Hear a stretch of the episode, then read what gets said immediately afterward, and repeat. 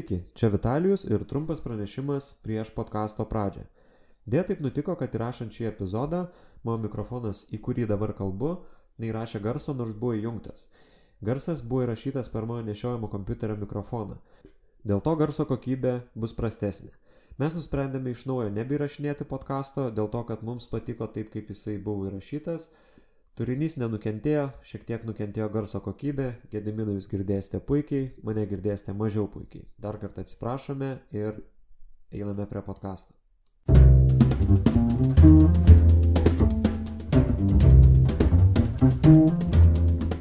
Sveiki, jūs girdite podkastą Dialogas, kuriame kalbasi du psichologai - Vitalijus ir Gediminas. Sveiki.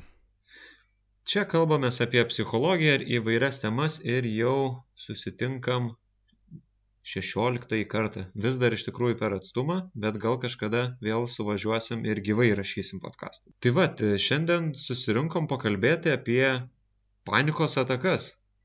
Kažkaip pagalvojau, kad e, pradėjom savo apskritai podcasterių karjerą nuo epizodo apie psichikos sveikatą, kas buvo labai plati tema, tada vienu metu palėtėm nerimą, kas jau yra siauresnė psichikos sveikatos dalis ir galiausiai dabar jau liečiam panikos ataką, kas yra dar siauresnė nerimo dalis. Mm. Tai vis labiau darosi nišiška čia pas mus. Mm. Klausimas, kiek nišiška, atrodo, panikos atakos yra tikrai populiarus reikalas. Turiu omeny, kad nemažai žmonių yra, kurie jas patiria, toks visai ne, neretas simptomas turbūt ar sutrikimas turbūt simptomas.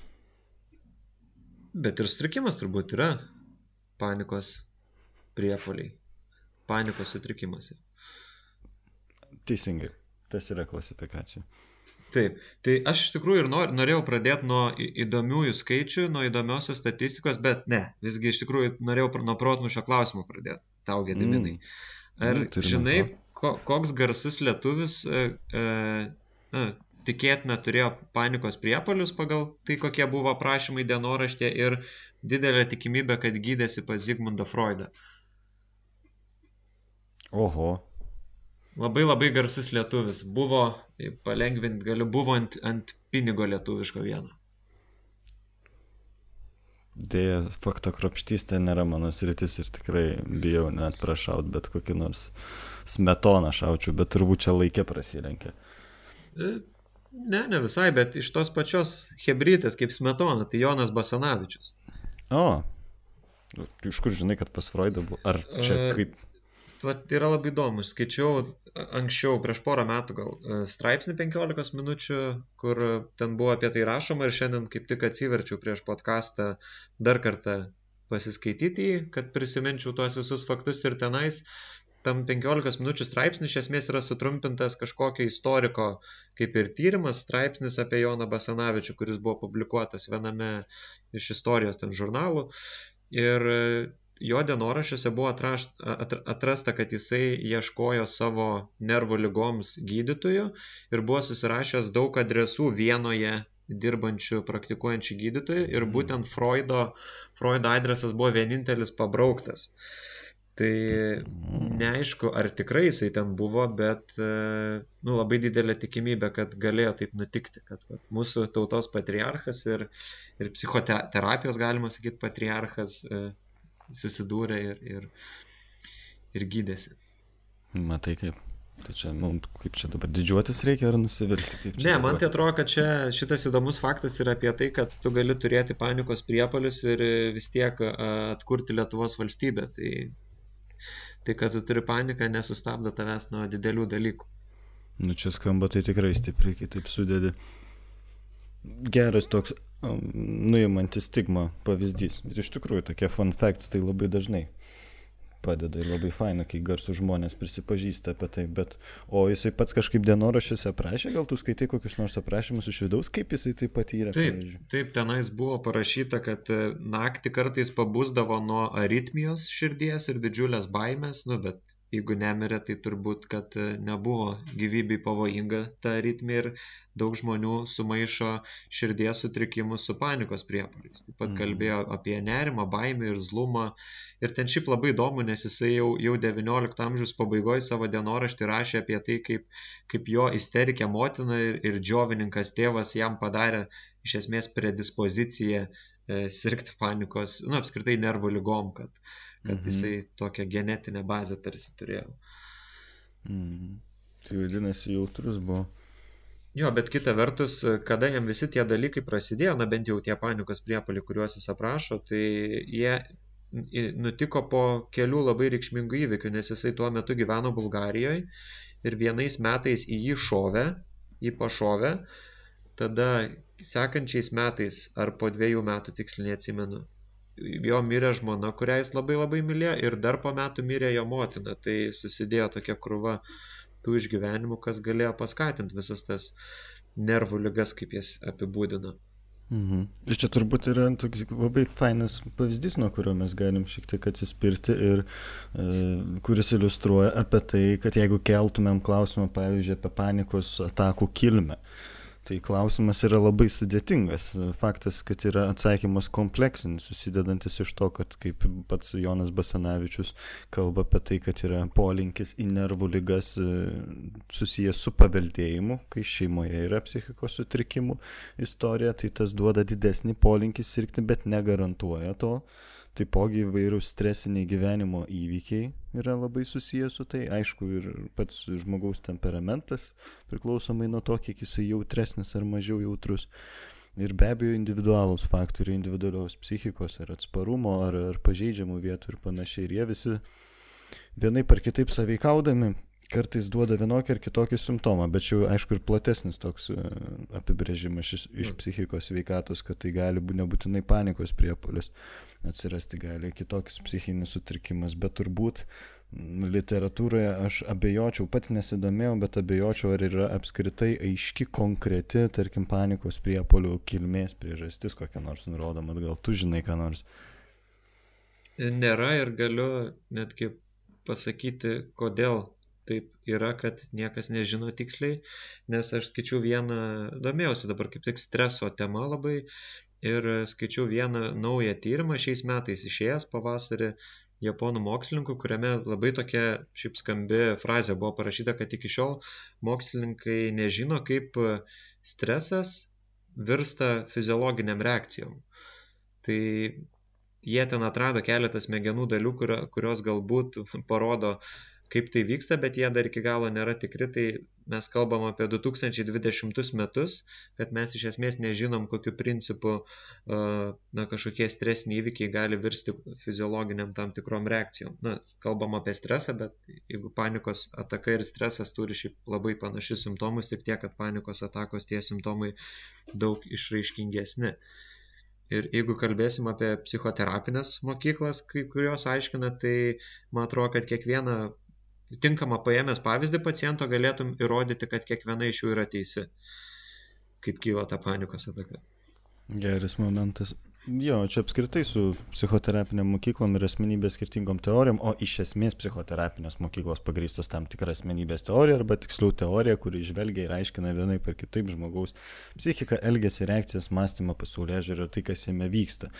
Tai kiekviena ta teorija iš, iš tiesų savaip teisi ir, ir mes tikrai atrastumėm žmogų, kuris bet kurią teoriją atitiktų, nes nu, šiaip ar taip psichikos gyvenimas yra labai sudėtinis ir kiekviena teorija tam tikrą prasme paima. Man labai patinka ta metafora, įterpsiu čia. Mes aišku, išplačiai taip labai keliaujam, bet man atrodo visai faina apie tai paminėti, kad man patinka metafora geometrinės progresijos, kurią Viktoras Franklis aprašė savo knygoje, kad žmogus tai yra trimatis objektas. Vat jeigu mes įsivaizduotumėm kaip matematikos sąsiuviniuose paaišydavom plokštumą, X ašį, Y ašį ir dar trečią ašį Z, kad erdvinis trimatis būtų vaizdas ir ten, tarkim, kokį rytinį nupešiam. Tai jeigu mes projektuosim į ten apatinę plokštumą, mes matysim skritulį. Jeigu į šoninę plokštumą projektuosime tą figūrą, tai mes matysim stačiakampį. Jeigu kokį nors įstrižai projektuosim dar kitą plokštumą, dar kitokį vaizdą.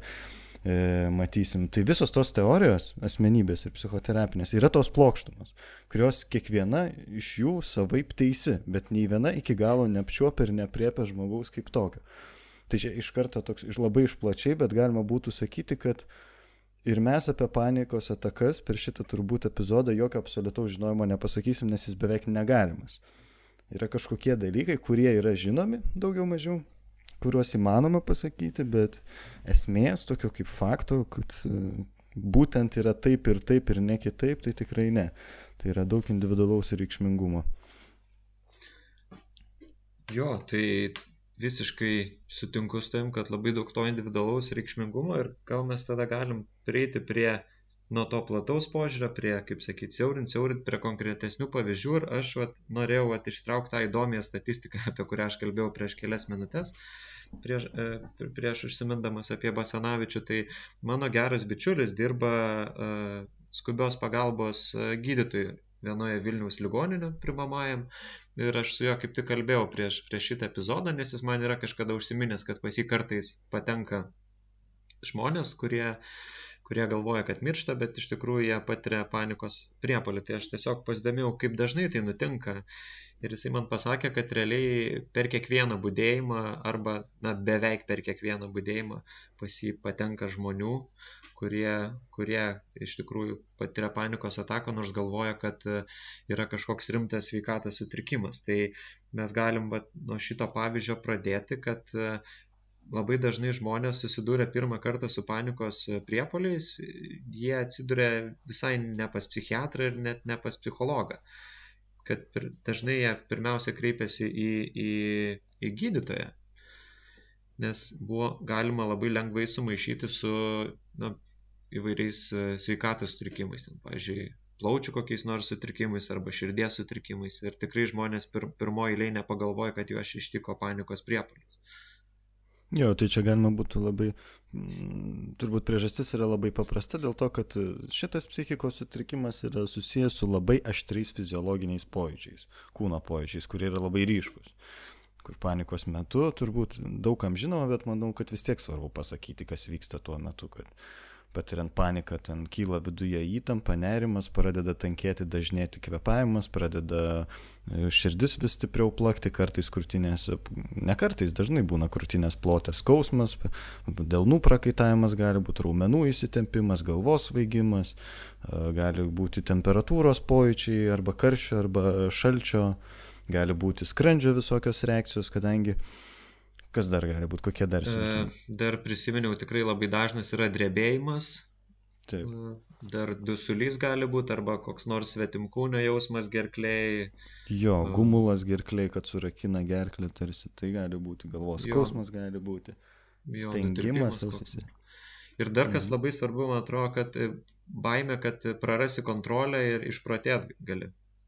Jo, tai čia jau ne fiziologinis, čia jau psichologinis, bet tai panikos priepolį labai dažnai lydi, kad tų fiziologinių pojūčių interpretavimas yra apie dažniausias, kad arba išprotėsiu, arba mirsiu. Kitaip tariant, vienaip ar kitaip subirėsiu. Ir jo. čia turbūt svarbu paaiškinti, kas čia vyksta, dėl ko taip vyksta, kad mechanizmas turbūt yra, bent jau taip manoma, vėlgi šimtų procentų niekas nežinoma, bet visi sutartinai psichiatrai, psichologai kalba, kad tai yra mūsų daugiau gyvūniška reakcija, kai autonominė nervų sistema įsijungia, tai mes galim įsivaizduoti kaip, tarkim, kokį primatą bežionę arba tą patį žmogų įmestą kur nors naktį į džiunglės ir ten jis nuogas, neturi jokių nei rūbų, nei ginklų, nieko ir jį ten, nežinau, atbėga bėga kokie nors vilkai ar pitonas atšliaužia ir maždaug tokia reakcija yra fiziologinė, kuri yra skirta organizmą apsaugoti ir net gyvūnai tą reakciją turi, mes neišskirtiniai šitoje vietoje. Jo, tai gal čia svarbu paminėti, kad kai mes kalbam apie tą fiziologinę reakciją, kuri yra ryškiausias simptomas e, panikos priepolio, tai uh, yra simpatinė nervų sistema organizme ir parasimpatinė. Tai simpatinė nervų sistema mus aktyvuoja, ruošia kovai, tai fight or flight, o parasimpatinė yra... Jo. O parasimpatinė yra ta, kuri uh, slopina mus, kaip tik ramina. Tai būna, kai prisivalgai daug, atsiguli ramiai, tada aktyvuojasi parasimpatinė nervų sistema. Na ir panikos atakos atveju e, turime labai labai suaktyvėjusią simpatinės nervų sistemos reakciją, bet būtent, kad ji yra tokia, kad aš nežinau, ar čia tinka tas žodis, bet jinai nėra konstruktyvi ir tu tos reakcijos nelabai gali kur nukreipti, nes šiaip e, kai žmogų mobilizuoja organizmas, tai jisai, na, gali staiga bėgti, gali kažkam suduoti, kažką sugriepti, o šiuo atveju ta, ta reakcija antiek stipri ir dar su, su tokiu baimės jausmu didžiuliu, kad žmogus nebegali konstruktyviai veikti ir jis tiesiog, kaip tu sakai, vat, byra. Mhm. Ir jo, šitoje vietoje labai svarbus yra kontekstas, nes panikos ataka įgauna panikos atakos pavadinimą tik tada, kai jinai būna civilizuotame prastam kontekste. Jeigu žmogus iš tikrųjų yra džiunglėse ir jį, nežinau, atbėga krokodilas ar ten tigras ir panašiai ir jis patiria tos pačius simptomus, tai mes tikrai to nevadinsim panikos ataka, nes tai yra adekvati savisaugos reakcija kuri, kuri mobilizuoja organizmą, parengia ir visos tos fiziologinės reakcijos yra skirtos tam, kad šiek tiek prislapinti autonominę nervų sistemą, kad kraujotaką padidinti stambiuosiuose raumenyse, kad organizmą parengti kovoti arba, arba, arba bėgti, taip pat ir, ir, ir į smegenis ten skirtingai pradeda veikti, rega pasikeičia, kas irgi va vienas iš simptomų gali būti šiek tiek rūko, tokio pojimtis, regos pakitimai, nes panikos atakos metu dažniausiai vyžiai labai stipriai išsiplečia ir aktyvuojasi labai stipriai dėmesys tam, kad, na, nu, irgi galėtum kuo efektyviau susidurti su pavojam ir panašiai. Tai tame kontekste čia nebūtų nieko patologiško, bet kai mes kalbam apie žmogų, kuris sėdi kokiam nors ofise arba pas save namuose, ir, bet jį reaguoja taip, tarsi būtų džiunglėse, kai jį atbėgtų ten kažkoks tigras, tai jau mes tada kalbam apie sutrikimą, tą panikos ataką, kas jau nebūtų adekvati reakcija į tą grėsmę, kurią jis patiria. Jo, ir kaip tu minėjai prieš tai, kad labai daug žmonių susiduria su tuo ir statistika rodo, kad aš esu kelias statistikas matęs, tai viena, kuri mane šiek tiek nustebino, gal ir šiek tiek didoka, bet apie 28 procentai žmonių bent kartą gyvenime, kažkuriuo etapu savo gyvenimo patiria bent vieną, na, tokį priepolį, kurį galima būtų prilyginti panikos atakas priepoliam. Tai, na, beveik mm. vienas iš trijų yra. Tai yra iš tikrųjų labai labai dideli skaičiai. Mm. O, tikrai. Esi patyręs? E, kažką panašaus. Mm. Aš tai nesu. Studijų metais Ar tai buvo panikos ataka ar kažkas artimo to, jeigu? Uh, nu, ko gero, ta prasme, man pasidarė labai bloga. Aš dirbau, atsimenu, uh, tada pajūryje. Uh, ir mes labai daug dirbom nuo ryto iki vakaro ir man pasidarė labai bloga vienu metu ir aš paprašiau, kad ar mane gali nuvežti į ligoninę, nes kaip tik grįžinėjom vėlai vakare pro Klaipedą ir jo nuvažiavau ten ir uh, ten apžiūrėjo gydytojai ir sako, kad, nu, sako, tau reikia pailsėti pirmiausia. Tai mm. nesakė konkrečiai, kad panikos, ne panikos ataka, bet aš jau retrospektyviai vėliau kaip žiūrėjau, tai galėjo būti kažkas panašaus. Mm. Čia atrodo irgi geras, nu, tavo patyrime atrodo visai yra pavyzdys apie tai, kad vat, irgi tokios būsenos kaip didelis nuovargis, pervargimas, nu, irgi gali iššaukti kažkokias panašias. Jo, ta prasme, jeigu egzistuoja ta predispozicija, sakykime, galbūt aš ją kažkokią turėjau, tai pasitaikė daug nepalankių veiksnių, nuovargis, stresas, ilgas darbas, sunkus darbas ir na, tai virsta tam tikrom organizmo reakcijom, kurias, aišku, va, čia veikia mūsų psichologija, tu pradedi interpretuoti šiek tiek katastrofiškai kas yra labai svarbu, tai tarkim kažkoks širdies pojūtis ar skausmas širdies plote pradedamas na, interpretuoti kaip galima grėsmė na, gyvybei. Mhm. Ir čia kognityvinė psichologija šitoje vietoje yra nu, jau paleidus savo įrankius kaip įmanoma ir yra tas teorijos visos, kurios labai labai kognityvistai mėgsta dirbti apie tai ir paaiškinti, ir jie paaiškina labai paprastai, iš esmės gal net galima būtų sakyti supaprastintai, bet tai veikia. Va tai, ką tu sakai apie tokį katastrofinį mąstymą, kad iš esmės įvyksta fiziologiniai pojūčiai kažkokie, tada ateina seka mintis, kad kai aš jaučiu, tarkim, padidėjusi širdies plakimą, man ateina mintis, kad, o, o, čia gali būti kažkas blogo su sveikata. Ir ta mintis sukelia nerimą, ir nerimas aktyvuoja dar labiau fiziologinę reakciją ir galima būtų sakyti, kad e, kognityvistai apie ką kalba, tai toks užsisuka save pastiprinantis ratas tarp e, fiziologinio pojūčio, kuris sukelia katastrofišką mintį, katastrofiškos minties, kuris sukelia emociją ir emocijos, kuris sukelia dar didesnį fiziologinį pojūtį. Ir tada užsisuka, užsisuka tas ratas ir tada fiziologijos e, visų tų simptomų intensyvumas ir nerimo kiekis staigiai kyla, šoka ir dėl to mes tai vadinam priepoliu. Jo, ir, ir kadangi jos nutinka panikos atakos šiaip e, netikėtai, dėl to ir labai tas toks prasmingas pavadinimas ataka, tarsi tu esi užpultas iš kažkur.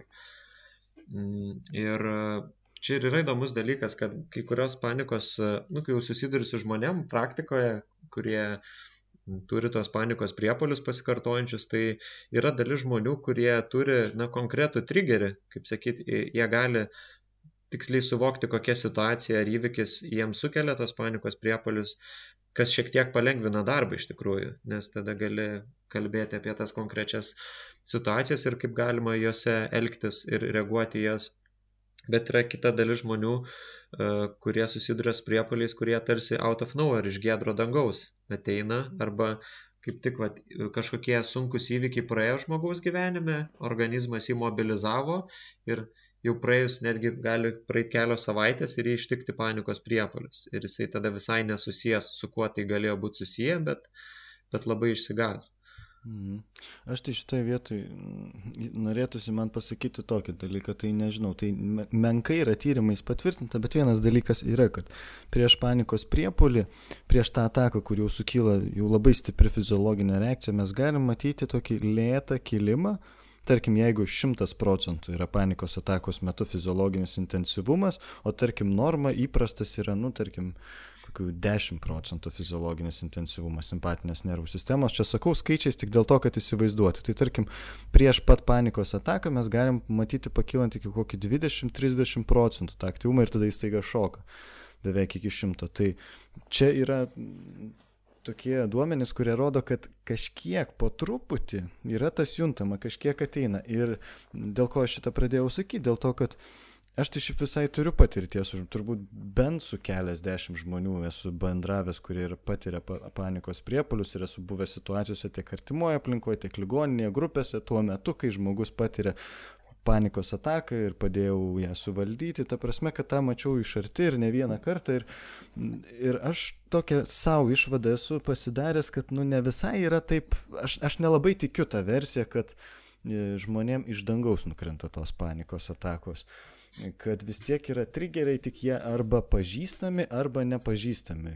Dėl ko aš taip sakau? Dėl to, kad kol kas mano praktika patvirtina apie tai, kad aš ne vieną tikrai žmogų mačiau, kuris į ligoninę atsigula, uh, pradeda psichoterapinį gydymą ir būtent sako, kad, nu, vat, nutinka panikos atakos, iš kur, kaip nežinau. Ir tada psichoterapijos įgos, jo dirbant grupėje arba individualiai, tiksliau, ir taip, ir taip dažniausiai e, žmogus pradeda atpažinti tuos triggerius, pradeda suprasti, apie ką jie, kur iki tol nesuprato, bet laikui bėgant pradėjo atpažinti. Čia labai yra įsijungęs vienas dalykas, tai toks kaip slopinimo mechanizmas. Apskritai, man atrodo, kad jeigu žiūrėti plačiau nesimptomiškai, tai panikos atakos yra labai susijusios su emocijų slopinimu ir tokiu e, šiek tiek tokių polinkių neikti sunkumus ir emocinius būtent sunkumus, ne, ne, ne kažkokias gyvenimiškas problemas. Ir kai yra toks polinkis, tada labai nesinori matyti savyje to sunkumo, kuris galimai iššaukia panikos ataką. Tam tikrą prasme žmogus uh, mieliau, nu čia taip įvardinsiu, mieliau žmogus save apgauna, kad nėra jokios priežasties, negu įsivardina tą priežastį. Ir tam tikrą prasme yra labiau pakenčiama patirti tarsi iš oro nukrentančią panikos ataką, negu pradėti gilintis į savo pažeidžiamumą arba kokius nors kitokius sunkius dalykus. Tai šitoj vietoj įsitarp. Tai, tai jo, gedai, aš visiškai sutinku su tuo, aš gal ne visai tiksliai išsireiškiau, aš norėjau pasakyti, kad vienais atvejais labai lengva nustatyti tą triggerį, kuris sukelia panikos ataką, kai tai yra konkreti situacija kažkokia, nu sakykime, nežinau, žmogus bijo viešai kalbėti, jam reikia užlipti ant scenos ir jis supanikuoja.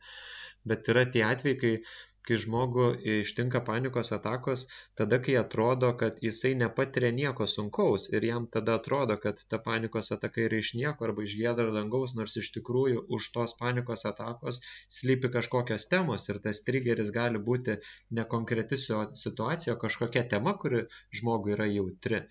Taip sakant, kad tas kontekstas daug didesnis. Mhm. Ir aš prisiminiau vieno gydytojo, e, girdėta, girdėjau, kaip vienas gydytojas pasakojo apie panikos atakas, kad galima įsivaizduoti e, stiklinę, į kurią kaupėsi juodi lašai. Tai kaip tu kalbėjai apie tas nuslapintas emocijas, čia iš tikrųjų psichodinaminiai, e, psichoterapijoje labai kalba apie, apie tai, kai, kai žvelgia į panikos atakas pro tą prizmę, kad tai yra nuslapintos emocijos. Tai tas gydytojas sako, kad, sakė, kad tau kaupėsi juodi lašai į tą stiklainį ir kažkada tas stiklainis jau nebetlaiko tų juodų lašų, kitaip sakant, nu, nebetelpa, jo turis yra ribotas. Tai kaip ir, ir žmogaus psichikos, jeigu galima tai pasakyti, talpa, kuri atlaiko tuos sunkumus, yra ribota ir kažkada tie juodi lašai pratrūksta. Tik jau pratrūksta nebe lašelis, o visas tas susikaupęs turis ir jisai va, tampa panika. Mhm. Jo, psichodinaminė paradigma mėgsta šitą modelį apie žmogų kaip talpą ir jisai šiaip tikrai daug, nu, nemažai daliai žmonių tinka. Ir šiaip mes įprastai būtyje jau net, čia turbūt va tai, ką praeitam berots epizodą ir Q&A, aš neatsimenu, kuris čia buvo, be, e, kurį Patreonam tik įrašym, turiu omeny ne tą, kuris buvo viešas, tu minėjai apie postfreudišką epochą. Tai čia vienas iš tokių dalykų, kur mes jau kasdieniai kalboje vartojam tokius terminus, kurie iš tikrųjų iki tol, nu, beveik neegzistavo, kad tai yra psichoanalizės e, pasiekmė, kad mes dabar kartais sakom, vat kaupiu emocijas, vat prikaupiu pykčio ten ir panašiai, ar ten, nežinau, prikaupiu dar ko nors ten, kad ten kažkaip slopinu ir panašiai. Tai jau beveik būtinėje kalboje, labiau tarp jaunų žmonių yra tapę, bet tai tą mes sakydami, mes vadovaujamės tokiu požiūriu, kad yra mumise kažkokia kaip emocinė talpykla, kas nėra būtinai tiesa, nebėra būtinai savaime suprantama, bet su panikos atakom tas yra labai, labai artima ir dažnai tikrai galima pamatyti. Tai čia jeigu taip kalbant dabar iš žmogaus, kuris galimai klauso ir patiria panikos atakas, tai e, galima visada užsiduoti savo klausimą, tai kokiu aš ten tų vat, lašų toje stiklinėje prikaupiau, kokių emocijų, kas vyko pastarąją valandą prieš panikos ataką, pastarąją parą, pastarąją savaitę ir kas vyksta, kokiu aš ten emocijų patyriau, kad jos galėjo nu, kažkaip būti nu, neišreikštos, ne, ne, ne, neperduotos ir prisikaupti ir tada prasiveršti ugnik, kaip ugnikalnis per panikos priepolį. Jo, ir man, man dar patinka tas uh, požiūris, kurio aš visai laikausi, kad žmogaus organizmas, na, jis geba save mobilizuoti ir atlaikyti tam tikrus sunkumus ir kodėl, vat, kartai žmonėm nepasireiškia panikos priepoliai tose situacijose, kuriuose tarsi logiškai galėtų jie pasireikšti, o pasireiškia, tarkim, vat, praėjus visam sunkumam ir tiesiog būnant namuose, nes tiesiog yra ir tam tikras kultūrinis kontekstas, kad vat, aš negaliu ten atrodyti toks, o yra kažkokia erdvė, kur aš galiu vat, supanikuoti ir man visą tai išlenda. Tai kad mes kartais atlaikom tos sunkumus, bet po kurio laiko jie vis tiek kažkaip išlenda. Tas tiesa, visiškai čia sutinku su tuo, kad ir psichodinamistai čia šitoje vietoje tikrai atrado svarbų dalyką apie tai, kad psichika geba mobilizuotis tose kartais situacijose, kai mums reikia. Ir yra nemažai pavyzdžių, aš ir ligoninėje esu susidūręs su tokiais atvejais, kai žmogus pakliūna į labai traumuojančias aplinkybės ir po to iš jų išeina ir pasireiškia simptomai. Tai, pavyzdžiui, vienas dažniausių, ką mes populiarioje literatūroje žinom, tai karių grįžusių iš karo PTSD potrauminis streso sutrikimas. Tai apie tai, kad tuo metu tų simptomų nebuvo, psichika mobilizavosi išgyvenimui, veiksmui, buvo parengti visas organizmas, o po to atsitraukia ir tada arba potrauminis, arba psichozė, arba dar kokie nors dalykai pareina, kad e, psichika tam tikrą prasme kompensuojasi tai, tai, tai kam buvo mobilizavusi ir tai gali duoti tam tikrus simptomus. Jo, ir tada užtenka labai labai mažų kažkokių trigerių ir, ir žmogus visiškai palūšti gali. Nors atrodo buvo milžiniška situacija Afganistane tam pačiam, kuris visai nepalūžo. Jo, tai čia turbūt yra gera mintis, kurią galima išsinešti apie panikos priepolius, kad jeigu vakare ramiai gaminiesi savo vakarienę ir patiri panikos priepolių, tai nebūtinai tai reiškia, kad gi nieko nevyksta, aš ramiai gaminuosiu vakarienę, kad galėjo vykti prieš dieną, dvi ar prieš savaitę, kažkas, kas tau dabar davė tą panikos priepolių. Ir čia labai svarbus toks, nu, vat, retrospektyvus grįžimas prie to ir patirinėjimas.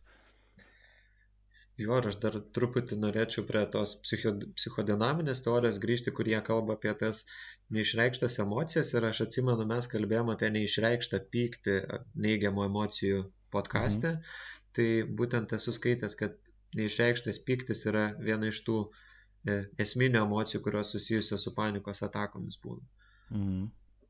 Jo, nu čia mes jau griebėm plačiau tą temą, bet okei, okay, man tik norisi pasakyti, kad e, man panikos atakos šiaip yra tokia tema, kur kartais man yra jausmas, čia aš apie save daugiau dalinuosi, kad aš viską žinau apie jas, o kartais yra jausmas, kad aš nieko nesuprantu apie jas, nes kai yra tas jausmas, kad viską žinau, tai atrodo, nu yra aiškus simptomai, yra triggeriai, yra aiškus būdai, kaip tvarkytis tuo metu su panikos priepoliu, kai jisai įvyksta. Tai čia viskas tvarkoja, bet kai pradedi klausti, kodėl, va, asmenybės kontekste ir panašiai, tada atrodo visiškai neaišku ir nesuprantama ir daug, daug nežinoma ir ten yra nemažai spekulacijų, bet iš tikrųjų yra nemažai žinoma. Tai man pirmuoju būdu visai nuobodu yra dirbti, man nelabai ne patinka turiu omeny, tai nereiškia, kad aš nedirbu. Kaip minėjau, ligoninė yra net buvę situacijų, kur grupės metu tiesiog prie manęs ar individualiai dirbant žmogus patiria panikos ataką ir tiesiog jį ramini visokiais būdais. Tai tuos būdus gal vėliau paminėsim, bet kadangi užkabinai jau platesnę temą, tai ir apie pykčio slopinimo, tai bent jau aš savo darbę, tai aš dažniausiai ypatingai privačioje praktikoje arba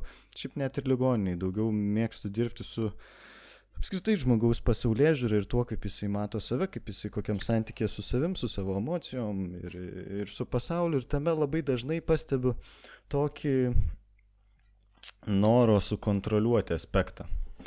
Turiu omeny, kad aš čia siečiau su pykčiu, dėl to aš apie tai pradėjau kalbėti, kad atrodo, kad žmonės, kurie patiria panikos, E, priepolius. Aš nežinau jokių tyrimų, čia grinai iš savo praktikos, kuri gali būti šališka, gal taip sukrito tiesiog žmonės, o gal tai yra mano daugiau pastebi, toks, nu, vat, interpretavimas, kad tame aš pastebiu dažnai e, tokį didesnį jautrumą neapibrieštumui, didesnį, su didesniu nerimu reagavimą į tokias spontaniškas situacijas, kur nutinka kažkas netikėta ir didesnį polinkį tuose žmonėse, kurie patiria panikos atakas, taip sukontroliuoti griežtai ar savo rutiną, ar kasdienybę ir, ir, ir numatyti visus galimus nuo A iki Z variantus, apsidrausti įvairiose situacijose, kad nesusidurti su netikėtumais.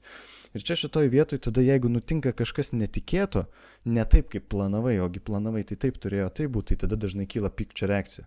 Ir zlumas, nepasitenkinimas, kad pala, pala, pala, vyksta ne taip, kaip aš noriu.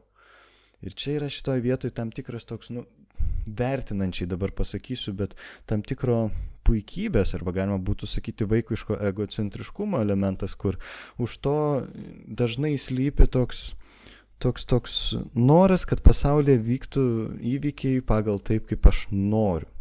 Kas yra vaikiškas reikalas, kai mes esam kūdikiai, tai taip ir vyksta, mes paverkiam ir štai staiga suaugusius yra, bet nu realiam pasaulyje nebūtinai taip vyksta. Vyksta labai daug visokių netikėtų, neapibrieštų dalykų, bet kai kurie žmonės turi polinkį tai sukontroliuoti ir tas sukontroliavimas yra ne tik tai planavime, įvykių ir panašiai, bet kontroliavimo aspektas yra ir vidinio pasaulio atžvilgių. Tai yra, kad aš žinau, kokias emocijas aš noriu patirti, tai džiaugsmas, spontaniškumą, entuzijazmą ir visas kitas pozityves, bet aš žinau, kad aš tikrai nenoriu patirti baimės, pykčio, liūdėsio ir visų kitų ir noriu kontroliuoti tas emocijas, ne tik išorinį, bet ir vidinį pasaulį. Ir tada netikėtini įvykiai sukelia grandininę reakciją, labai stiprią, labai ūmę, nes bendra bazinė nuostata yra apie tai, kad jeigu gerai susiplanuosi, pasaulyje neįvyks nieko netikėto. Ir kai įvyksta mažas netikėtas dalykas, tai jis ne tik signalizuoja apie tai, kad įvyko mažas netikėtas dalykas, bet signalizuoja apie tai, kad visa tavo prielaida apie pasaulio matymą yra klaidinga. Ir tada jinai subyra ir tada panikos reakcija būna. Nu, tai taip galima vienas iš būdų tai pasižiūrėti. Jo, tai taip simboliškai labai gražiai atrodo, kai sieki didžiulės kontrolės, o gauni atvirkštinį variantą, tai yra maksimalę nekontrolę arba chaosą, jeigu taip galim panikos atakai vardinti. Jo. Ir šitoje vietoje labai paranku būtų, man atrodo, Karlo Gustavo Jungo teorija, kuri, kur Jungas sako, kad e, psichika veikia priešybių principų, polių tam tikrų principų ir kompensacijos. Tai kai tu sieki savo ir vidinį gyvenimą labai sukontroliuoti ir kad viskas būtų sustiguota, tai surprise, surprise, bet psichika tikrai padarys taip, kad atsirastų tavo psichikos gyvenime kažkas nesukontroliuojamo, kaip, kaip balansas tam tavo kontroliai. Tai panikos ataka ateina kaip pagalba psichikai turėti šiek tiek laisvės nuo tavo tironiško proto. savo paties Tai atžvilgiu. gal, galim sakyti, kad veikia psichika kartais biški merfio dėsniais, ar ne? Primink Merfio dėsnį. Nu, kaip, jau, kai tu kažko nenori, tai būtinai tas ir nutiks. Ai, aš tai žinau Zapadlo dėsnį. Nu, tai čia tas pats, čia daug, daug tų dėsnių, kad jeigu, e, nežinau, nepasiemi skėčio, tai būtinai lit pradės ir, ir panašus. Mm. Nu, čia turbūt būtų šiek tiek šaržas, bet Jungas kalbėjo apie tai, kad psichika veiks, veikia kompensacijos principu. Kad jeigu mes į vieną kraštutinumą save spaudžiam sąmoningai nuostatai, tai mūsų nesąmoningas psichiko, psichikos gyvenimas mus gražina į kitą pusę. Tai šiame pavyzdyje, jeigu kontroliuojam, tai kažkas vyks nekontroliuojam. Jo, tai aš aišku irgi ne, ne, ne, neturiu tokio požiūrio, kad veikia psich, Merfio dėsnis psichika, bet tiesiog kaip vat, tokia asociacija, kuri, kur aišku tikrai galim rastų panašumų. Ir kadangi jau paminėjai Jungo teoriją, tai aš irgi šiek tiek apie tai domėjausi, koks jų požiūris, tai man kas labai patiko, tarkim, kuo nuo kognityvinės skiriasi, nes kognityvinė teorija, jinai iš tikrųjų yra labai efektyvi dirbant su panikos priepoliais, bet jinai remiasi gana paprastu principu, kad uh, mums panika kyla dėl to, kad mes klaidingai interpretuojam uh, kūne kilusias fiziologinės reakcijas. Kas mhm. atrodo labai paprasta ir tikrai, kai dirbi su panikos priepolius patiriančiais žmonėm tikrai labai svarbu išmokyti juos nekatastrofiškai interpretuoti tai, kas vyksta kūne. Bet kita vertus yra labai kitas svarbus aspektas, tai yra žmogus dažnai kelia klausimą, kodėl aš, kodėl man taip. Ir man čia patinka Jungo požiūris dėl to, kad na, tas jungistiškas požiūris siekia suprasti paniką kaip prasmingą ir turinčią, tikslą, turinčią kažkokį tikslą gyvenime, kad kad jinai čia galbūt ne veltui atsirado ir kad čia nėra tik kažkoks fiziologinis pojūtis, kurį man reikia kažkaip kitaip perinterpretuoti, kad aš išsilaisvinčiau nuo to diskomforto, nes to diskomforto šaknis yra daug daugiau negu fiziologinė reakcija. Mm. Jo, tas tiesa ir čia irgi visiškai legitimus požiūris, tik tai aš tikslumo dėlį ir šiaip dėl to, kad mokiausi šiek tiek ir Adlerio mokyklos e, institutė, noriu pasakyti, kad Jungas šitą pasigrobė iš Adlerio, nes jam buvo labai lengva kurti savo teoriją. Jungo pirmosiuose raštuose galima pamatyti labai aišku atspirties tašką, kaip jam buvo patogu, nes Freudas buvo pirmasis, Adleris po to kėlė savo teoriją ir tada Jungas išlindo. Tai Freudas kalbėjo apie priežastis, Jungas sako, Adleris kalbėjo apie tikslus, Nu ir dabar pabandom kažką dar sintetinio apjungti, kad kažkas dar yra. Nu ir jis tada kalbėjo apie kompensacinį tą principą maždaug. Nes jo, Adleris sakė, kad bet kas vyksta, bet koks simptomas, bet koks pojūtis e, organizme turi kažkokį tikslą, tarnauja kažkokiam tikslui. Tai galima būtų pasižiūrėti, kad tarkim vienas iš galimų, kad per pavyzdį būtų aiškiau, tarkim, man sunku, jaučiuosi liūdnas, bet negaliu pripažinti, kad aš galiu būti pažeidžiamas, liūdnas ir silpnas, tai veikiau man bus, aš labiau išsaugosiu savo vaizdą apie save, jeigu aš patirsiu panikos priepolį ir gausiu iš partnerio arba partnerės globą, palaikymą, rūpestį, negu kad ateisiu, ateisiu ir pasakysiu, žinai, man sunku, liūdna, noriu paverkti ant tavo pėties, galėtum gal pabūti su manimi, išklausyti mane, paremti, man reikia tavo palaikymo. Turiu omeny, kad jeigu yra toks apie save įsitikinimas, kad e, aš negaliu savęs priimti pažeidžiamo ar priklausomo nuo kito, tai kartais panikos priepolis, nu čia nenoriu, kad supras, e, kad, kad išsigirstų taip, kad aš dabar sakau, kad čia yra toks panikos priepolių tikslas. Ne, čia yra vienas iš tūkstančių ir iš dešimt tūkstančių galimų skirtingų tikslų, bet analizuojant žmogaus gyvenimą, stebint kontekstą ir kokiose situacijose tas kyla, kartais galima numatyti tą tikslą. Tai čia tik pavyzdį tokį pateikiau. Jo, tai ką tu sakai, tai kad yra ir galimai būna kažkokia antrinė nauda, kad žmogus iš tikrųjų turi visai kitą motyvą, kodėl jis patiria tą panikos ataką. Jo. E, tai kaip pasakai, kad Jungas iš Adlerio pavogė, tai prisiminiau Picasso citatą, kad uh, good artist copy, great artist steal. Tai, tai čia apie Mantą Katlerį. Dabar jau tikrai nepareklamuos mūsų, jeigu kada nors išgers. Taigi visi apie jį, taip, jis net pats apie save taip kalba, tai čia, čia nėra kritika. Aš jį mėgstu. Taip, taip, aišku. Jo, man irgi patinka jo humoras, kuris nevoktas yra, nors ir išvokto, manau, esu juokėsis, nes mm. nežinojau to. Gerai, bet ne, ne apie tai susirinkom kalbėti. Kitas man įdomus aspektas yra, kaip panikos paveiktas žmogus ištiktos panikos atakos, e, kaip vėliau vystosi jo sunkumai ir ką mes žinom ir tiek iš praktinių pavyzdžių, tiek iš literatūros, kad dažnai greta to išsivysto toks e, sutrikimas, kuris vadinasi agorafobija. Tai yra viešų vietų baimė ir, ir čia yra pavyzdys, kaip e, atrodo, na, panikos ataka, okei, okay, su, sukilo fiziologinės reakcijos, išsigandau, praėjo ir viskas gyvenu normalų gyvenimą, bet e, dažnai nutinka, kad tas normalus gyvenimas pasidaro nebe toks normalus, nes žmogus pradeda bijoti išeiti viešai kažkur, nes jam tai gali nutikti būti, nori jam, norisi būti tik su artimai žmonėm, po to gali būti, kad pradės vengti net ir tų artimų žmonių ir taip taps toksai save izoliavęs nuo, nuo gyvenimo apskritai plačiaja prasme. Mhm. Jo, aš esu su keletu atveju susidūrę žmonių ligoniniai, kurie turi šitą sutrikimą ir man jis atrodo tikrai labai sudėtingas sutrikimas, kur esu susidūręs su pavyzdžiai, kur vyko darbas sim, simptomiškai praktiškai, jeigu taip galima būtų kognityvinės terminų pasi, pasiskolinti. Ir pats esu taip dirbęs per sistematinę desensitizaciją, tai yra po truputį prisijaukinimą viešos erdvės ir e, nuoseklų, laipsnišką fiziologinės reakcijos umios mažinimą į tai.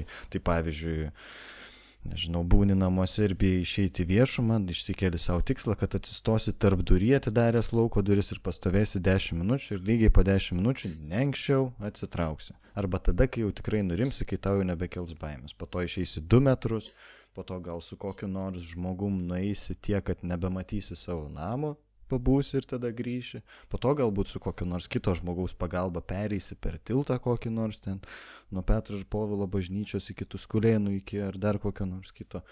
Ar, ar dar kokį nors kitą, po to gal vienas padarysi, nu, laipsniškai vis, vis savarankiškiau, vis labiau tą darysi. Bet tas padeda Kartais padeda il, il, ilgalaikiai perspektyva, bet aš kiek pastebėjau labiau laikinai. Tai nėra, kad aš turėčiau labai didelę praktiką su to keletą atvejų labiau esu matęs ir dirbęs su tuo, kaip tai vyksta, bet tai atrodo nebūtinai pašalinti. Man agorofobija atrodo, aš nesu labai stipriai pasidomėjęs, bet man atrodo, kad jau toks yra sunkesnis reikalas, kur reikia tada dirbti su gilesniais dalykais, kaip pasaulyje žiūra žmogaus ar, ar, ar kas ten vyksta jo apskritai santykėje su savimi ir panašiai. Nes čia labai keistas dalykas, o gerofobija yra ne tik apie tai, kad aš išeisiu viešą, vieš, viešą vietą ir ten patirsiu paniką ir panašiai, bet ten yra labai stiprus dar ir gėdos elementas, kad žmonės netiek bijo ten, tarkim, patirti paniką ir numirti, ten kokiam trolejbuse, bet patirti gėdą, kad juos matys.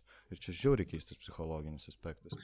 Taip, aš visiškai su tuo sutinku ir, ir savo praktikoje irgi su agorofobija nesu daug susidūręs, bet e, menu vieną, vieną žmogų, su kuriuo dirbau anksčiau, kuris iš tikrųjų e, tiek, kiek mes kalbėjom, jisai panikos tų priepolių viso labo du gal buvo patyręs, nu, mm. tokius kaip sakyt, chrestomatinius tokius, kur galima atsekti, kad tai buvo panikos priepalis, bet agorofobija buvo tokia stipri, kad jau tie panikos priepaliai gana seniai nebuvo pasikartoję, bet vis tiek žmogus negalėjo išeiti kažkur. Ir, vat, kaip tu sakai, kad yra gėdos stipri reakcija, tai sakau, o tai kodėl tada baisu išeiti, vat, jeigu tos panikos nebevyksta, tai ir priem šiaip, šiaip netaip tą gėdos temą, kad ką kitas pagalvos, jeigu man taip nutiks, kas čia dabar bus, aš nenoriu sukelt sunkumų kitiem, nenoriu, kad, man, kad kitas žmogus turėtų padėti man ir, ir panašiai. Jo, ir čia jau atrodo, tada yra daug gilesni klodai, kur tada temos šiek tiek pasikeičiau, tada nebe tiek apie gorofobiją, svarbu mano galva dirbti, bet apie tą jausmą, kad aš jaučiuosi kaip našta kitiems, ar aš jaučiuosi kažkoks keistuolis, ar gėdingas kažkoks netoks, ir tada buvimas kitų žvilgsniuose man išryškina tą jausmą. Jis umiau pasirodo ryškiau ir kelia didelį diskomfortą, ir tada apsauga būna Galima vienas iš būdų tai pasižiūrėti, kad tada apsisaugojimas yra neiti iš namų ir neatsidurti tose situacijose, kur būtume į kitų žvilgsniuose, nes jeigu vienas patirsiu panikos priepolių, tai nieko ten jau tokio labai baisaus, nemalonu, nefaina jo, bet, bet, bet daug baisiau būtų kažką matant, regint. Tai čia jau yra tokio apie santykio su savimi, kuris persiduoda į santykių su kitais aspektas, kuris jau nėra tiek specifiškai agorofobinis, bet toks labiau asmenybinis reikalas. Tai čia vėl tą norisi pridėti tokį komentarą, kad vėlgi panikos priepolis ir panikos atakos nu, visada turi kažkokį kontekstą platesnį. Ir dažnai simptomiškai darbas pašalina simptomą, bet jis vis iššoksta, iššoksta, iššoksta, iššoksta, iššoksta, nes tas kontekstas, to šaknis, iš kurių kyla, tai tarkim, tie stebai stiebėsi, tai yra panikos priepoliai, nu jos vis dar gajos kaip ketinu ir aišku, čia gali, gali užsibaigti šito klausimu ir kad tas klausimas bus esminis, kuris padės pakeisti požiūrį, bet gali būti, kad prasidės, kad ne, kiti tai netokie supratingi kaip aš, nes jie nežino, ką tai reiškia, nes aš vat sergu tuo sutrikimu ir žinau, todėl normaliai reaguoju, bet kiti galbūt nereaguos. Jo, šitas tai dalykas labai labai dažnas terapijoje, kur ypatingai, kadangi skyriuje dirbu per grupinės terapijos principą ir yra terapinės bendruomenės skyrius, tai ten labai pasimato žmogaus santykius su savimi ir su, su kitais, kaip būna. Tai dažniausiai radikaliai priešingas, savęs atžvilgiu aš esu teisantis, žiaurus, nuvertinantis, griežtas, reikalaujantis, baudžiantis, besikabinėjantis ir visoks koks. O kitu atžvilgiu aš geras, priemantis, pateisinantis, atleidžiantis ir panašiai. Nu, tai tas, tas labai dažnai mumise yra. Tai čia labai ta Petersono gyvenimo taisyklė, kad elgi su savimi taip, kaip ten elgtumėsi su tuo žmogum, kuriuo rūpiniesi arba už kurio turi prisėmęs atsakomybę ir panašiai. Tai šita, šitas jo, čia neįmanoma per mažai kartoti šito aspekto, tai dažnai ir su agorofobija, ir su panika būna tas pats.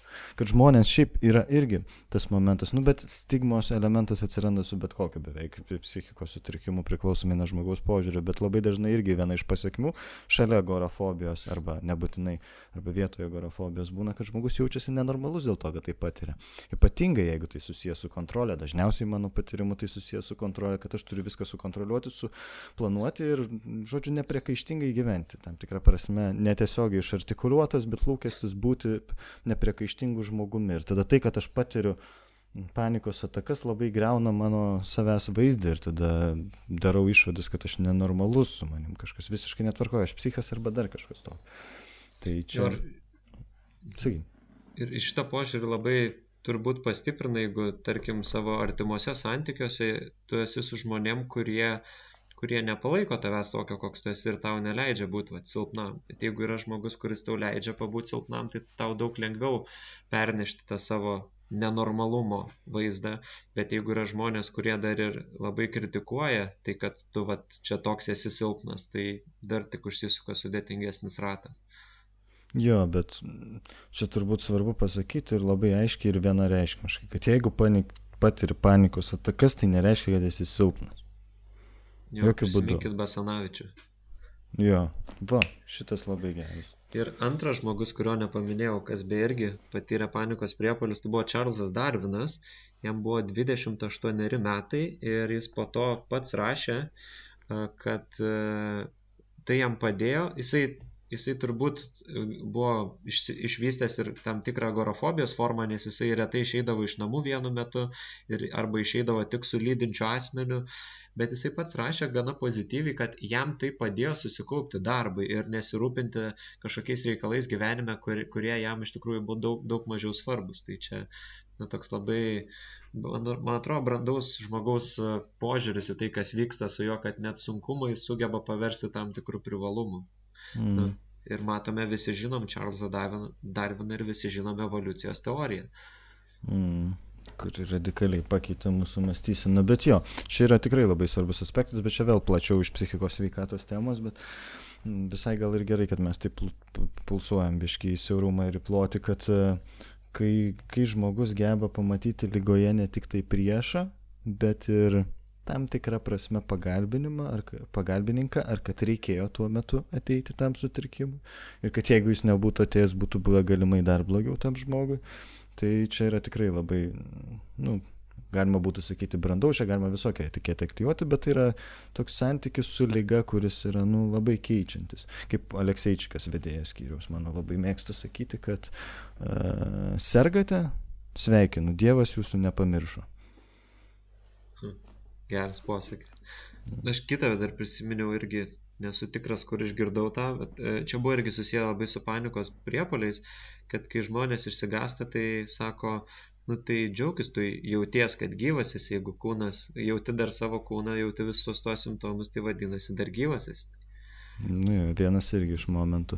Kitas irgi dar į tą pačią seriją, jeigu jau citatų mėtomės, aš toliau Alekseičiko dar duoklę jam atiduosiu, tai jisai irgi mm, mėgsta tokį pastebėjimą, kurį jis pats iš pacientų išgirdo labiau, kad uh, tik tai tada, kai, pavyzdžiui, kai mums pradeda skaudėti kokį nors, nežinau, ten čiurną, mes suprantam, kad mes turim čiurną. O kai pradeda skaud... kažkas psichiškai vykti, sutrikimas kažkoks atsiranda, mums pradeda skaudėti sielą ir tada mes suprantam, kad mes turim sielą. Kas irgi nėra labai blogai. Jo, tai čia tas klasikinis požiūris, kad sveikata, kokią tu ją be prarastum, ar fizinę, ar psichinę, tu ją pastebi, kai tu jos netenki. Tai... Jo. Tai grįžtam prie panikos atakų. Um, man atrodo, kad visai vertinga būtų kažkaip įvardinti tuos būdus, kaip galima kovoti su panikos ataka tuo metu, kai jinai prasideda arba yra, vyksta, žodžiu, procese. Umioji pagalba. Tai kaip ten, Vitalijau, su jomis tvarkytis? Jo, aš kaip tik, kaip tik ir norėjau pereiti prie tos temos, kad jau pabaiga podcast'o, tai reikia duoti praktinių pavyzdžių žmonėm. Tai uh, Kokia gali būti savipagalba? Tai savipagalba apima man, mano akimis du tokius, du aspektus. Tai yra čia ir dabar ta pagalba, ką aš galiu čia ir dabar padaryti, kai tai vyksta. Ir tokia pagalba, ką aš galiu ilgalaikį perspektyvai daryti, kad tai arba mažiau kartotųsi, arba jeigu kartotųsi, tai manęs taip neišmuštų iš vėžių. Tai galbūt pradėsiu nuo tos čia ir dabar pagalbos, tai uh, yra labai efektyvus kvepavimo pratimai kuo jie pagristi yra? Pagristi tuo, kad ilgai iškvepiant mes aktyvuojam labiau savo parasimpatinę nervų sistemą. Tai neprižadu, kad jums pavyks suvaldyti panikos ataką vien kvepavimo pratimais, nes vieniems pavyksta, kitiems ne. Bet tai yra tokia priemonė, kurios net į kišenę nereikia įsidėti, nes turi visada su savim. Ir tie pratimai aš turbūt esu minėjęs kažkuriam podkast'e, kad ir Navy Seals daro tokius pratimus, kai jiem reikia e, šaudyti, 4 sekundės įkvepinėja, 4 sulaiko, 4 iškvepinėja. E, ir jie taip sumažina simpatinės nervų sistemos reakciją. Antras dalykas, kuris man atrodo visai geras, tai yra galima atsigerti šalto vandens, daug pradėti gerti, nes tas pojūtis šiek tiek numuš E, tą baimės pojūtį arba apskritai palist staiga po šaltų dušu galima, galima į ledinį, į dubenį pripilti vandens ir įdėti ledukų ir įkišti rankas, kad tą visą baimės pojūtį, tą fiziologinės reakcijos pojūtį permuštų kaž, kažkoks kitas pojūtis ir tas pojūtis gali būti šaltis, pavyzdžiui. Mhm. Jo, tai čia šitoje vietoje aš pridurčiau, kad nu, bet kas, kas žmogų jo dėmesį sugražina iš katastrofinio mąstymo į čia ir dabar pojūtį, kad esi čia ir dabar, ten sėdi šitoje kėdėje ir esi šitoje patalpoje, tai padeda. Whatever works. Aš esu siūlęs žmonėm ir uh, sakykime, ligoninės metu, tarkim, grupė, prasideda panikos ataka kokia nors žmogui ir tada jo pradedu raminti, kad čia viskas tvarkoja, tai nėra pavojinga. Viena irgi iš dalykų, kuris yra labai svarbus, e, auksinė taisyklė, nes yra daug mito apie panikos atakas, kad vis tik jos gali baigtis mirtimi, kad vis tik gali būti rimti sveikatos sužalojimai. Mitas, mitas, mitas.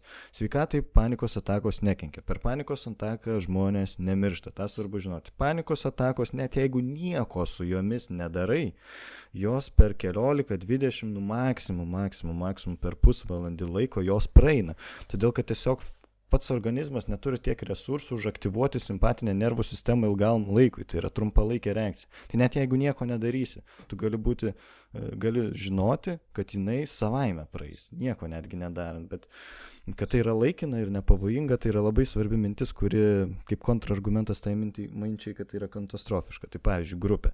Psichoterapinė grupė prasideda panikos ataka kažkam ir tada iš karto sakau, kad tai yra nepavojinga, tai praeis, dabar kvepuok ramiai, kreipdėmėsi į savo kvepavimą ir, pavyzdžiui, kartai žmogui pasiūlau nu, kokį nors random dalyką, pavyzdžiui, dabar išvardink visus rudus objektus, kuriuos matai šitam kambarį kad tiesiog žvilgsniu ieškotų ir arba ten pavyzdžiui pasakyk visų grupės narių vardus. Arba nu, bet kokį dalyką ten, ta prasme, ar pagal spalvom, arba dabar, nežinau, apibūdink šito žmogaus aprangą, ar ten, nesvarbu kas. Visokie būdai padeda, bet kas, kas tiesiog e, nukreiptų dėmesį tokią labai paprastą kognityvinę veiklą, ar ten suskaičiuok, kiek žmonių dabar yra sėdi rate grupėje, ar ten ir panašiai. Tai tie dalykai, pa... vieną kartą iš tikrųjų net dariau, norėjau pabandyti, nes filmuose matydavau šitą dalyką, jokinga galvoju, ar čia veikia ar neveikia. Taip, o kai būna su pirštu vedžioji prieš akis. Tai iš tikrųjų suveikia psichoterapinė grupė, tiesiog norėjusi paeksperimentuoti, viena pacientė, vienai pacientai prasidėjo panikos priepolius ir aš pradėjau raminti, kad čia viskas, viskas tvarkoti, nepavojinga, ramiai kvepuok ir tada pradėjau jai prieš veidą, nu maždaug ten kokio metro atstumu, pirštą vedžioti. Ir sakau, stebėk mano piršto galiuką. Ir į kairę, į dešinę. Ir sakau, galvos nejudink. Ir tiesiog akimis stebėk. Ir nežinau, gal per minutę ar per dvi baigėsi ta panikos ataka, nurimo iš kart žmogus. Tai bet kas, kas dėmesį pritraukia prie čia ir dabar, labai padeda e, dėl to, kad, e, kaip mes minėjome pradžioje, pagrindinis mechanizmas yra užsisukantis tas ratas reakcijų, kad dėmesys krypsta į fiziologinius pojūčius ir jie interpretuojami kaip katastrofiškai grėsmingi ir tai dar labiau aktyvuoja fiziologinius pojūčius. Tai jeigu dėmesį į šalį nukreipi, tą ratą jau sustabdai. Jo, tai būdų gali būti bet kokių, o principas, kad sugražinti save į čia ir dabar momentą ir žinot, kad tai vis tiek praeis. Aš tu, turiu tokį na, kardin, kardinalų, gal galima pasakyti, būdą, kuris tikrai ne visiems tinka, bet jis yra veiksmingas, kurį aprašė Viktoras Franklis, tai yra paradoksalioji intencija, tai yra, kad tu kaip tik sieki to, ko tu labiausiai bijai. Tai jeigu tave apima panikos ataka, e, tai panikuok, tapk panikos čempionu, laimėk medalių panikos čempionate. Ir, ir tas nebijojimas panikuoti tave išlaisvina nuo pačios panikos dažnai. Tai, Jo, aš šitą iš tikrųjų ne vieną kartą susiūlęs, bet iš mano praktikos, nu tai tik vienas žmogus buvo sutikęs psichoterapiniai sesijoje bandinti sukurti panikos ataką, nes dažniausiai tai nu, yra labai nerima kelintis dalykas ir nesinori, labai malonu, nemalonu žmonės vengia, bet e, tas žmogus, kuris bandė, tai buvo tikrai labai efektyvu ir padėjo ta prasme, kad tada atgauni kontrolės pojūtį. Franklis irgi kalbėjo apie tai, kad panikos ataka patiriama kaip tokia dažniausiai, kuri iš, va, iš oro nukrenta ir vyksta su manim tai, ko aš negaliu kontroliuoti, nesukontroliuosiu ir išpratėsiu ir mirsiu. Bet kai tu sąmoningai pats sukelinėjai savo tas fiziologinės reakcijas ir žinai, kad tu jas pats užkuri, tada kontrolės lokusas grįžta į tavo rankas. Ir kai tu vėl patiri tuos simptomus, tada tu jau turėjai patyrimą, kad tu buvai su tom visom fiziologiniam reakcijom ir jos buvo tavo rankose ir dabar vėl jos kyla, tai žiūrėk, gal galbūt gali būti ir jos dabar vėlgi mano rankose. Tai čia viena, ką teoriškai yra suprasti, ką aš čia dabar pasakiau, įsisamoninti tą mintį, bet visai kas kita yra tą patyrimiškai pajausti, patirti su specialisto pagalba ir tada visai kitoks būna efektas, kai jau vėl grįžta tos panikos atakos. Tai ši paradoksali intencija veikia, bet jinai tokia ne, ne, ne visi išdrįsta. Jo, bet būtent, kad ne, vis, ne visi išdrįsta, tai jeigu esat namuose ir tokioj saugio aplinkoje, kur jūs galit eksperimentuoti netgi su savo panika, tai tikrai yra galimybė pabandyti. Na jau niekas tikrai nesijoks, jeigu čia bandysite panikos čempioną. Ir humoras, man atrodo, susirūkė, kas čia buvo gerai. A, aš tai norėčiau pasakyti, don't try this at home. Jau geriau su specialisto priežiūra, bet, nu, jeigu labai drąsus esate, tai ok. Uh, jo, aš turbūt sutikčiau su tavim, čia labai neatsargiai pasiūliau, bet uh, čia gal aš vis tiek siūlydamas turėjau omeny tam tikrą kategoriją žmonių, tai to žmonės, kurie, na, žino, kad jie turi panikos priepolius, kurie jam kartojasi ir kurie žino, kad tai nėra kažkoks sveikatos sutrikimas atskiras. Taip, kad vat, nerizikuotų. Tai labai gerai gedai, kad grėžnai mane į realybę. Jo, nes šis labai svarbus aspektas apie tai, kad žmonės turi skirtingą susipažinimo su savo panikos atakom lygį. Taip. Kiti tikrai yra ramus su tuo faktu. Nu jo, būna tos panikos, žinau, atpažįstu, kai jos jau kyla po truputį, žinau, kaip tvarkytis ten e, su kvepavimo pratimais ir panašiai ir praeina. Ir jo, jos būna dažniau arba rečiau, nu aš galiu su to gyventi, o kitiems tai yra šakės, kad jie patiria panikos ataką. Tai, tu prasme, labai baisu, labai siau siaubą keliantis patyrimas. Tai... Jo, čia, čia turbūt labiau tinka tiem žmonėm, kurie jau yra su tuo susidūrę ne kartą ir, ir, ir geriau, geriau pažįsta save. Tai va, tokie būdai. O ką aš kalbėjau apie tuos tokius ilgalaikius savipagalbos būdus, tai žmonės susidūrę su panikos atakomis, jie vis tiek tikrai negalvoja pirmu metu apie savo psichologinius kažkokius sunkumus, jie labai susikoncentruoja į fiziologinės reakcijas ir jie iš esmės vėliau ilgainiui tampa, e, nu, jie pradeda nebepasitikėti savo kūnu, kad kūnas juos išduoda.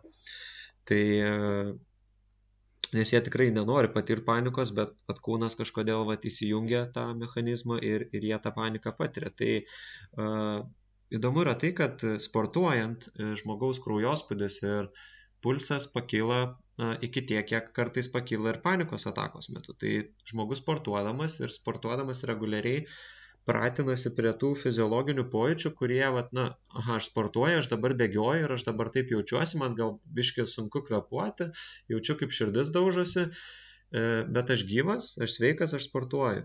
Tai gali tas pats kilti panikos atakos metu ir jeigu žmogus dažniau sportuoja, jis yra pripratęs prie tų fiziologinių pojūčių ir jisai nebeinterpretuos jų taip e, dažnai galbūt katastrofiškai. Tai, na ir apskritai fizinis aktyvumas visais aspektais stiprina tiek fizinę, tiek, tiek psichinę sveikatą. Mhm. Tai čia irgi tas veikia turbūt, galima būtų aiškinti tos sisteminės desensitizacijos metodų, arba jeigu paprašiau tariant, nujautrinimu, kai aš minėjau pavyzdį su agorofobija, išeiti, pabūti su to pojūčiu ir palaukti, kol jis nu, nu, nu, nurimsta. Tai čia nujautrinimas vyksta per tai, kad aš sukeliu savo kūniškai, fiziologiškai tas reakcijas, bet man nieko blogo nenutinka, aš lieku saugus su jomis. Tai labai geras pavyzdys, man atrodo. Jo, kitas šalia sportavimo tai yra grūdinimasis e, šaltam duše, e, maudytis per vasarą ir jeigu yra galimybė ir motivacija šiek tiek ir rudenį šaltam vandenį, dėl ko? Labai paprastai dėl to, kad e, susidurdami su šaltu vandeniu mes aktyvuojam simpatinės nervų sistemos reakciją, nes organizmui tai yra šokas tam tikras, tai mes tiesiog grūdinam savo nervų sistemą, kad mes galim susidurti su tuo šoku ir kai organizmas dažnai su juo susiduria, jau tas lengstis pasidaro žymiai didesnis, kad, kada mus ta šoko reakcija pasieks. Mhm. Jo, tai aš tada dar pridėčiau vieną dalyką, kad labai svarbus yra tų vadinamų trigerių atpažinimas. Tai yra tų mygtukų, kurie pas, tiksliau, įvairiausių stimulų, situacijų, ar išorinių, ar vidinių įvykių, kurie paspaudžia tą panikos mygtuką ir jis kyla po truputį irgi, bet tai yra nu, toks platus labai darbas ir čia jau nėra kažkokių tendencijų ir panašiai, tai labai, labai varijuoja nuo žmogaus prie žmogaus, kas, kas aktyvuoja tas panikos atakas ir kokie ar santykių, ar gyvenimo įvykiai ir panašiai. Nebūtinai ten ant galvos laukia kažkoks egzaminas ar kažkas tokio, kartais mikro dalykai, arba tiesiog vidiniai įvykiai, kaip, pavyzdžiui, žmogus bėga, bėga, bėga per gyvenimą ir tada sustoja staiga ir įsiklauso į save, o ten siaubas kyla ir tada prasideda panikos ataka, kuri atitraukia nuo įsiklausimų. Nu, ta prasme, kad visokiausių tų variantų ir trigerių pat pažinimas yra labai svarbus. Dar vienas dalykas, kuris padeda susitvarkyti su panikos atakom prieš joms kyla, tai žmonės ilgainiui, kurie dažniau patiria panikos atakas ir terapiškai dirba su jomis, po truputį pradeda atpažinti, kaip aš minėjau, tą fiziologinę reakciją, kur maždaug fiziologija ten 10-20 procentų ima kilti prieš šokant iki 100 procentų umaus. Tai žmonės dažnai atpažįsta, kad būna vienoks ar kitoks, čia irgi universalios nėra. Daug maž kartais atsikartoja, bet skirtingi būna. Kai kurie žmonės, tarkim, jaučia gumulą gerklėje, kai kurie jaučia kažkur skrandyje tokį virpėjimą, maždaug 10-15 minučių prieš prasidedant panikos atakai. Pradžio kaip ir nieko su nieko nesusiję, nu ką žinau, kažkoks pojūtis skrandį, neriškus, blankus ir nekreipi dėmesio. Ir tada pokšt panikos ataka ir po 10 ar kažkiek ar keletos panikos atakų ir dirbant su specialistu, tada žmogus pradeda atpažinti, kad opa, prieš patiriant panikos ataką, man užsidenga ta raudona lemputė. Tai ar gumulas gerklė, ar ten skrandė, ar kur nors kurtinė koks nors pojūtis, ar dar koks nors, ar kažkas mintyse. Tai gali būti netgi minčių seka kažkokia, kuri kartojasi prieš panikos priepolį. Tai tuos dalykus irgi atpažįstant galima apsisaugoti nuo labai umaus panikos priepolio. Jo, ir tų, tų trigerių atpažinimas pačiam žmogui dažnai būna iššūkis, dėl to čia labai efektyvi yra na, psichikos sveikatos specialistų pagalba, kurie su panikos atakom susiduria šiaip jau dažnai. Nėra čia tokia sritis, kad kažkas nedirba, nu, teoriškai turėtų visi mokėti dirbti, nes tai tikrai dažna, tai tikrai padeda, tikrai padeda ir didžioji dalis žmonių teigiamai atsiliepia apie, apie darbą su psichologais, kai jie kreipiasi į, į juos dėl, dėl e, panikos atakų. O kita dalis, kuri man atrodo dar svarbi, tai yra tikrai yra dalį žmonių, kurie, kuriems e, panikos priepoliai arba visai praeina, arba pasidaro bent jau labai reti, kai jie išsitiria mediciniškai, kad su jų sveikata nieko nėra. Tai čia, man atrodo, svarbu paminėti, kad e, yra tikrai e, egzistuoja sutrikimų, kurie reiškiasi panašiai kaip panikos ataka ir svarbu nesumaišyti. Aišku, jeigu yra jaunas žmogus, tai didelė tikimybė, kad jis veikas, bet kaip sako niekada nežinai. Tai jeigu jau susidūrei su, su va tokiu priepoliu, tai tikrai rekomenduoju kreiptis bent jau į savo šeimos gydytoją, kuris atliktų na, bazinius tyrimus, e, skirliukės hormoną ištirti, nes dažnai būna, e, nu kaip dažnai tiesiog kartais būna, kad žmonėm kyla visokios nerimo ir panikos atakos reakcijos ne dėl to, kad jie patiria stresą, bet dėl to, kad pas juos skirliukės hormonas yra sutrikęs, nes jis yra labai susijęs su visa E, su, su visokiom reakcijom. Ir padarys ten kardiogramą, dar kelis tyrimus ir, na, patikins, kad su jumis viskas gerai ir tada jau galėsit šimtų procentų ramiai tada dirbti psichoterapijoje ar, ar su psichologu. Mm. Manau, kad labai gerai, kad įterpai šitą aspektą, kad vis tiek prasidiferencijuoti, ar tai nėra fiziologinis sutrikimas svarbu. Nors yra, kai kurie kalba, kad vis tik yra ten tų skirtumų tarp patiriamų simptomų, kai būna, tarkim, artimiausias dalykas tai yra širdies infarktas, širdies kažkokie kardio, ten priepoliai, kurie yra pa, fiziologiškai panašiausias pojūčių prasme, ta prasme. Bet ir tai yra skirtumai tarp panikos atakos ir, ir to širdies infarkto, ten skausmo lokalizacija ir kitokie ten umumo ir panašiai kitų fiziologinių reakcijų minčių ratas retai kada užsisuka ir panašiai. Bet jie yra subtilūs, dažnai čia labiau gal specialistams svarbiau diferencijuoti tas negu pačiam žmogui. Pačiam žmogui tai tikrai pritarčiau rekomendacijai, kad vieną kartą gerai įsitirti, bet jeigu išsityrai vieną, antrą kartą po panikos priepolio, nu trečią kartą jau gali nebeiti. Nes žinai, kad gausi tą patį rezultatą ir tikėtina dar ir siuntimą į psichiatrinę ligoninę. Aišku, yra tokių labai nedėkingų atvejų, aš esu skaitęs BBC, e, kai moteris su keliais panikos uh, atakų e, atvejais ligoninės pirmamajame atsidūrė, vieną, antrą kartą, trečią ir kažkada vėl atsidūrė ir jie mato, kad, aha, čia šita panikuoja. O jai tada mhm. buvo pasirodo iš tikrųjų infarktas. Tai čia mm. tokie atvejai labai nugazdinantis, keliantis nerimą, bet, e, nu, galima pasakyti, kad jie pakankamai reti yra kad nu, net, nedažnai tai būna. Sakyčiau, net labai reti. Aš tikrai nežinau statistikos, nu, bet iš tų žmonių, kiek aš, kaip minėjau, su keliasdešimt žmonių susidūriau, nu, tai nei vienas iš jų nebuvo. Nu, tai gal čia koks, nežinau, vienas iš tūkstančio gal būna toks atvejis. Nu, tikrai labai retas. Tai va, ką mes dar galim pasakyti, gal tu noris dar kažką pridurti? Man norisi pridurti, bet aš norėjau daugiau, žinai, ar mes uždarom apie čia ir dabar ir, ir, ir ilgalaikę pagalbą simptomiškai, nes norisi man pasakyti, kad čia mes dabar kalbam apie būdus, kurie skirti gaisro gesinimui, bet ne padėgėjui numalšinti. Tai, okay, apie... tai uždarom šitą temą. Nu, jeigu susigalvosim, ką pasakyti, tai pasakysim, lemba okay. mūsų podkastas.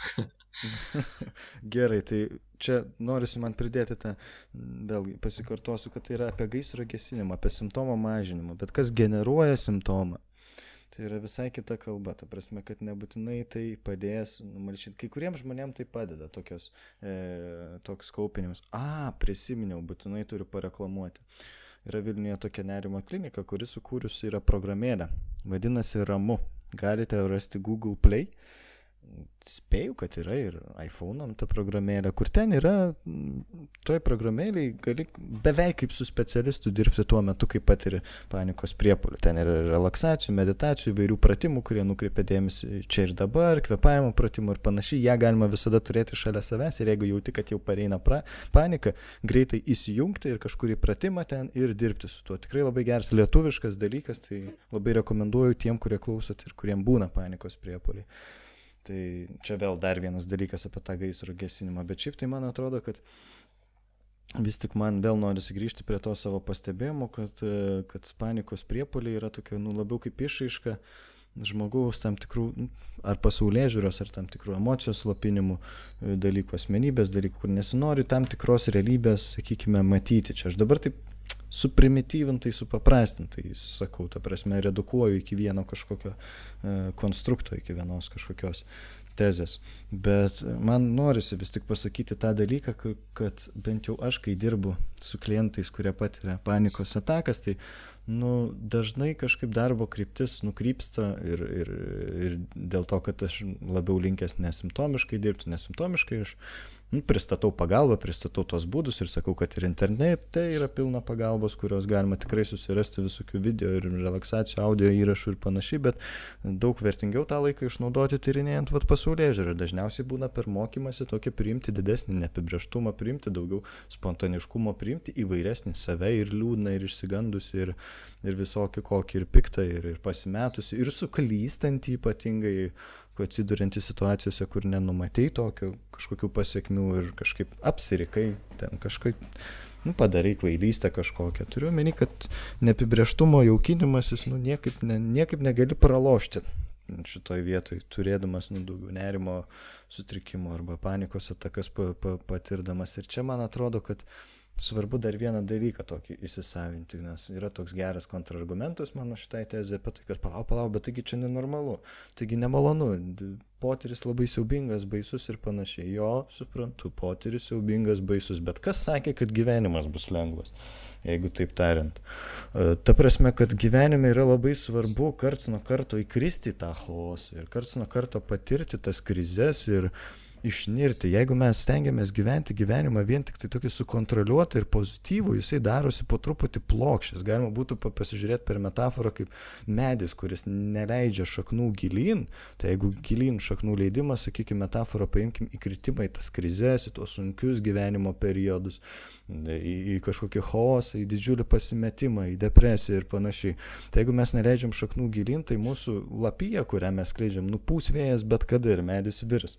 E, iš šono, bet jeigu mes leidžiam tas šaknis, karts nuo karto patiriam tas krizės ir per jas vis iš naujo atsinaujinam, kad vyksta tam tikra mūsų kaip tokia asmenybės perversmas, kaip transformacija, visi brandesnį, tokį buvo stipresnį, platesnį, kur mes gebam daugiau įvairaus gyvenimo patyrimo priimti, tai tada mūsų šaknis stipriai ir mes galim skleisti daug platesnę lapyje, daug turtingesnį būti šitoje vietoje. Tai man atrodo, kad čia yra labai svarbu savo kažkaip kartoti tą ir turėti omeny nuostatą, kad nu, gyvenime bus visko ir turi būti visko ir visokios kančios ir krizių, bet tai nereiškia, kad jos sužlugdo, aišku, nepalaužiamų nėra, bet jos tuo pat metu ir augina ir stiprina, kad ir kokios jos būtų nemalonios. Sena, kaip nežinau, nu, amžio amžiaus mintis, kad gyvenime yra neišvengiamas kančios elementas ir tu niekaip neištums jo nei su kažkokia nuostabia psichologinė būsena grįždamas į gimdą mamos, ar nei sukurdamas valstybinę kažkokią utopiją, socialinį kažkokį režimą, kuris panaikintų bet kokią kančią. Ne, kančios iš gyvenimo niekaip nepanaikins ir susidarimas yra neišvengiamas neišvengiamas. Ir čia tu nesukontroliuosi nieko šitoje vietoje. Tai jeigu tu nusiteiksi, kad tai gali būti, tai dažnai Tai manau, mano, čia, mano tikėjimas ir man pačiam, aš tą taikau asmeniškai savo, kad tai padeda labiau priimti, nepanikuojant sunkumus ir nepanikuojant visokius netikėtumus, bet, bet, bet labiau pasirengus ir tai labiau augina. Jo, čia mega e, gražiai ir esmingai apibūdinai, galima bus išleisti ateityje knygą Gedimino išmintis. Bus... 10, ne, 12 Gedimino taisyklių. Jo. Aštuonis iš Petersono perkuri ir keturias kokias naujas davė. Jo, jo, jo, teisingai, būtinai reikia pavokti keletą. Jo. Ne, bet iš esmės, ką norėjau pasakyti, kad Gediminas tikrai labai gražiai apibendrino, kuo gali būti naudingas darbas terapijoje, na ir ne tik terapijai, bet ir, tarkim, konsultavime psichologinėme, kad, kad mes mokome susidurti su tuo, kad, e, na, kaip budistai sakė, life is suffering, kad, kad gyvenimas nėra tik good vibes only, kaip daug šiaip influencerių šiais laikais bando parodyti. Ir kas dažnai grįžta jiem tuo bumerangu atgal, kai jie Instagram'e dalinasi vien gražiais epizodais. Ir vat kitą dieną matai jau Delfi kad e, kažkas skiriasi, kažkokia pora skiriasi, nors dar prieš kelias dienas jie kartu sėdėjo, pusryčiavo ir, ir džiaugiasi gyvenimu. Tai, man atrodo, tas, e, tas yra labai svarbu. Ir e, man patinka apskritai tas požiūris, kad reikia galbūt, nu kaip čia, aš juo šiek tiek vadovaujasi negaliu sakyti šimtų procentų, man tikrai patinka patirti laimę ir džiaugsmą gyvenime, kam, kamgi nepatinka. Bet at, aš dažnai siekiu ne laimę patirti ar džiaugsmą, bet matyti prasme. Ir tai tada daug lengviau tada ir kažkokį sunkumą įveikti, nes dažnai sunkumai būna prasmingi. Ir ta pati panikos ataka gali būti prasminga, kaip sakė Jungas, dėl to, kad mes, mes siekiam suprasti kiekvieno pojūčio tą prasmingumą. Jeigu taip įterpti irgi iš savo asmeniškų, čia taip jau, kad užsisentimentalinom, tai kad man tai apskritai atrodo apie tą laimės pojūtį, dažnai žmonės siekia laimės, bet man laimė atrodo toks kaip šešėlis kurį mes metame vaikščiodami saulėkaitoje. Ta prasme, kad jeigu tu eini į tą laimę, tai jinai pastoviai vis traukiasi nuo tavęs. Ir kad ir kiek tu eitum, jinai vis traukiasi ir traukiasi ir traukiasi. Bet jeigu nusigrėži nuo jos ir eini ten, ten, kur tau patinka, kur įdomu, kur tu nori, kur tu matai esant prasminga, kur yra tikslas, tai jinai seka iš paskos. Tai man tai tas, ta laimė atrodo kaip tokius šalutinis efektas. Būtent sutinku su tim gyvenant prasmingą gyvenimą ir tokį gyvenimą, kuris atrodo vertas. Tai čia jau aš pradedu beveik moralizuoti ir man tas pradeda nelabai, nelabai patinka, man jau kaip tas skamba, bet gerai, aš galiu nutraukti. Nutraukti tavo moralizavimą, stop, viskas gerai, baigiam. Viskas, baigiam. Tai gerai. Ačiū Patreonams naujiems, tai yra Viktorija Čaplikaitė, Algirdas Armonavičius, Joana Andriulytė prisijungia prie mūsų. Ačiū Jums, kad remiate, mus galite išgirsti kur. YouTube'ai, Spotify, 15 min klausyk, Castbox, Google Podcasts, galite remti mus Patreon, jeigu norite, tenais mes turime šiek tiek papildomo turinio patronams, tai yra Q&A epizodai tik jiems ir šiaip dalinamės įvairiais na, šaltiniais, nuorodom, straipsniais, kitais podkastais, knygomis, tuo, kuo mes gyvenam, tai kas mums įdomu. Tai tiek turbūt. Tai būtų tiek, nepanikuokit, o jeigu panikuosit, tai laimėkit. Šitas geras, galim ir užbaigti šito. Gerai, viso iki. iki.